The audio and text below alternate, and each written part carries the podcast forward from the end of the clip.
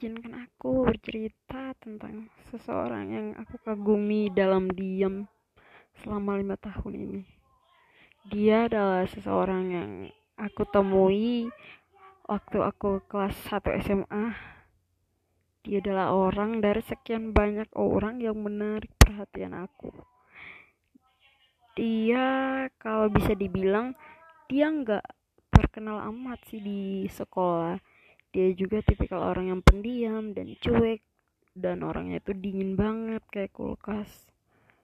Entah kenapa dari sifatnya yang kayak gitu aku bisa dengan mudahnya menaruh hati aku secara dalam terhadap dia. Aku sering banget kayak ngeliatin dia. Waktu itu uh, kelasnya dia itu di lantai tiga dan aku tuh di lantai satu. Aku sering banget kayak kamar mandi doang padahal cuma ngeliatin dia gitu dia juga sering main bola di lapangan kan. Jadi aku tuh sering banget kayak curi-curi pandang gitu. Aku nyimpan rasa aku dari SMA kelas 1 sampai aku kuliah semester 4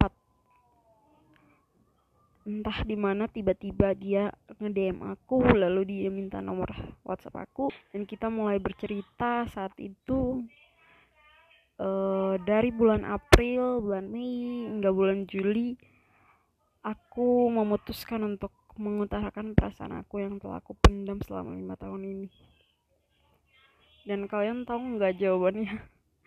Jawabannya dia hanya menganggap aku sebagai adik doang. Sakit iya, aku sakit banget. Aku kecewa, aku nggak bisa menerima kenyataan itu.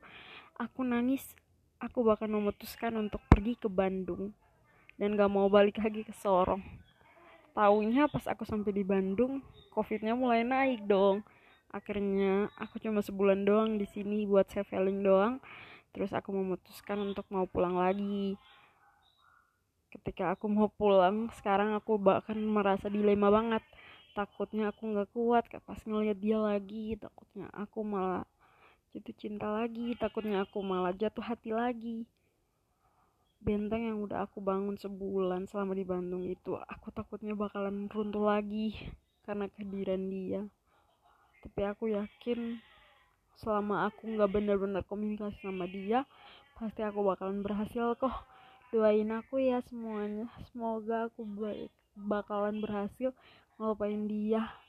Dan aku harap ketika suatu saat nanti dia mendengarkan ceritaku ini Semoga dia selalu bahagia bersama pilihannya dan apa pun yang dia lakuin, aku berharap dia untuk selalu sehat selalu dan baik-baik aja di sana. Semoga aku benar-benar bisa ngelupain dia. I love you so much and thank you so much buat semuanya.